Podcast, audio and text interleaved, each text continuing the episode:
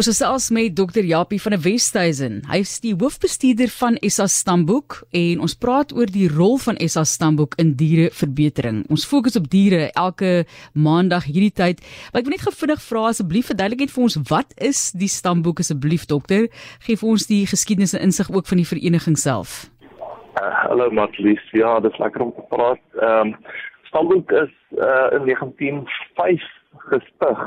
So ehm um, jy weet hier met die Britse besetting in die Kaap uh het daar van die uh, Europese en Britse rasse ek praat van produksiediere jy weet beeste en skape en so in die land gekom en so net na die boere Anglo-Boereoorlog uh het die Landbouunie al geagiteer dat dan moet so iets gestig word vir Suid-Afrika jy weet van 1903 af. In in Stamboek in 1905 gestig en so sy naam eintlik aandui, jy weet dis boeke waarin die stambome van boere van diere geskryf is. Uh en dis waar die naam vandaan kom of stadboek dan in Engels. Ehm um, so dis miskien een van daai verenig iets wat die wat die twee partye verenig het na die boereoorlog. Ehm um, dink ek, uh ek wil graag so glo as 'n diereteelt hou. Uh en uh die eerste hulle toe nou begin eerste volume skryf en daar was toe nou maar wat jy weet net paar diere gewees het uh ingeskryf is maar hierso by Unie wording rond in in 10 uh toe was daar nou al 'n hele loetjie van die genootskappe 'n genootskap is waar 'n groep teelers wat dieselfde tipe diere of dieselfde ras diere teel uh wat dan 'n genootskap stig wat die minimum standaarde en so aan vir, vir daai betrokke ras uh daarstel. Ehm um, So hier by 1953 rond is daar toe al 30 volumes van hierdie boeke. Ons het daai ou boeke mooi gebind daar in Stabboek se gebou in Bloemfontein. Uh en toe het die ouens dit nou begin op indekskaarte doen en later jare natuurlik op rekenaars. Uh soos wat die soos meer data en meer inligting uh weet op aangeteken moes geword het.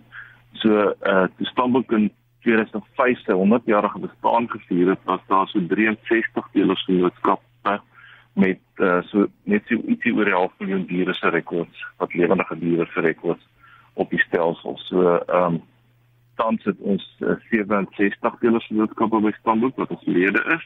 Uh en ons het uh, so 120 miljoen rekords in totaal as jy nou oor al die jare gaan kyk en al die stambome uh en so aan in 83 rasse. Dit dis meestal uh wat ons nie produksie diere. Met ander woorde uh dis nou vleisbeeste, melkbeeste en wolskape en so aan, maar ook ehm um, ja sitteldiere, so dit sitteldiere kan ons so sfere en en honde die voerboele byvoorbeeld eh uh, teken op bestaan betraf.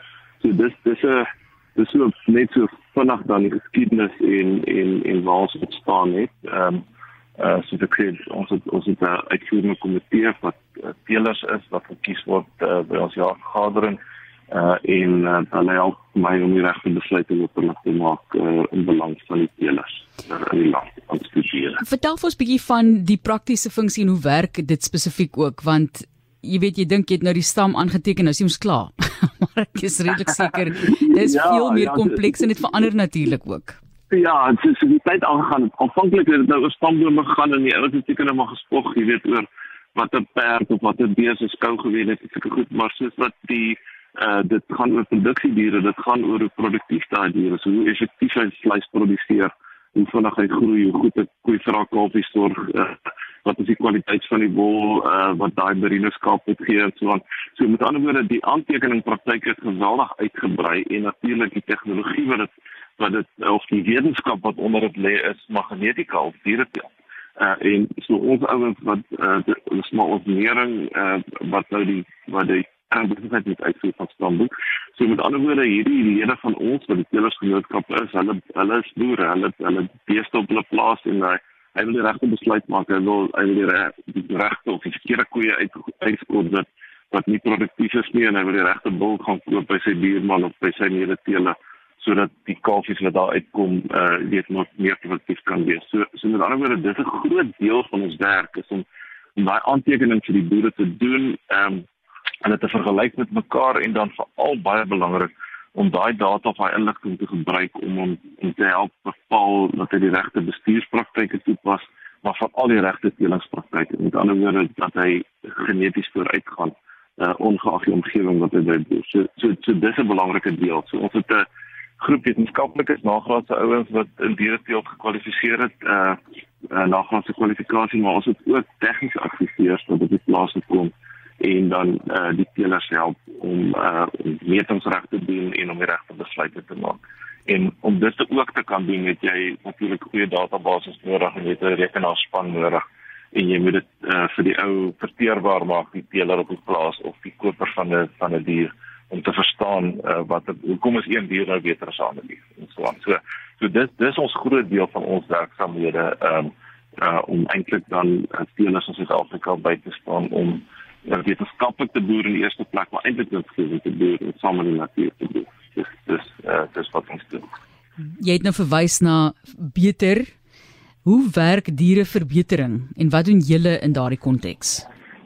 Ja, uh, ek ek het nou genoem met ander woorde daar's daar's 'n paar goed wat bepaal nou een dier nou beter sou wees as 'n ander dier. Die een een is uh, wat standaard is. Met ander woorde jy kan net jou gene of jou genetiese samestelling van jou ouers afgekry het van nêrens anders nie. Nee, uh, dit kom van bo af onder. So met ander woorde dis een deel wat 'n mens dan gebruik en dan moet jy binne die konteks van hoe die ou boer moet jy dan gaan meet ook. Jy moet die kalfies byvoorbeeld weeg uh, en jy moet sê hierdie hierdie klomp kalfies is dieselfde is aan dieselfde omgewing blootgestel. Hoekom is die een beter as die ander? Hoekom is hy swaarder as die ander? Sy maak meer melk, kyk moet beter na hom of hy uit inherent beter beter groeikrag.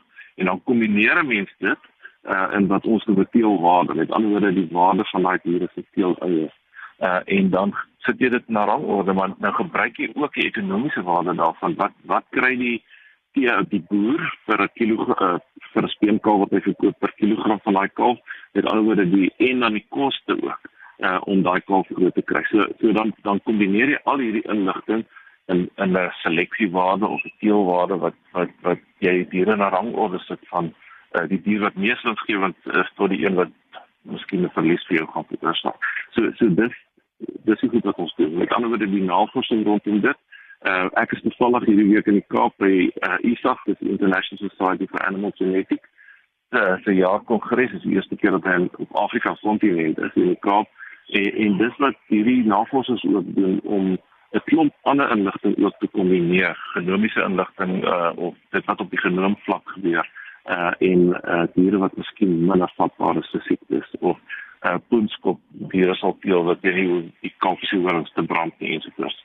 So ehm um, as jy my los sal ek heeldag praat oor dit maar maar ek dink dit is uh, uh, dis dis regtig op binnende tye gaan ons uh, in beweeg en ook outomatiese metings jy weet uh, uh, dis ons ons leef ons in die in internet of things die, die dinge wat hulle self meet en met mekaar praat jou yskas praat met jou met jou slagter nader aan jy weet te sê die die vleis ehm um, jy bestel word of sulke tipe goed so ehm um, dis dis interessante tye speel ook 'n groot rol soos jy nou sê ook in voedselsekerheid. Ek dink ons gaan in die toekoms met jou moet praat dokter oor die tegnologie wat ingespan word en die groot uitdagings. Tyd is maar 'n ding as dit kom ja. by 'n radio, maar hoe kompeteer ons op internasionale vlak met ons gene?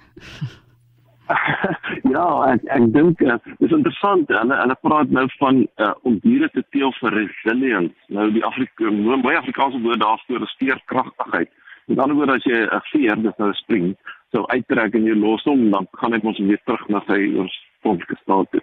So ek dink ons is resilient in Suid-Afrika. Ons ons mense, ons weet hoe om in moeilike natuuromgewings uh, te selekteer en en om te bly voortbestaan. Uh ons ons ongelukkig in Suid-Afrika spandeer, ek dink uit openbare geld, regeringsgeld, min genoeg te min geld in in goeie navorsing en ontwikkeling ek dink is besig om 'n bietjie hier en daar te verander wat ten goeie is. Uh maar ten spyte daarvan is ons boere in Suid-Afrika onder baie swaar omstandighede in terme van die natuur. Ek praat praat nie eers van ander goed nie. Ehm um, doen hulle eintlik verskriklik goed en kompeteer hulle eintlik globaal baie goed met enige enige boer enige plek in die res van die wêreld.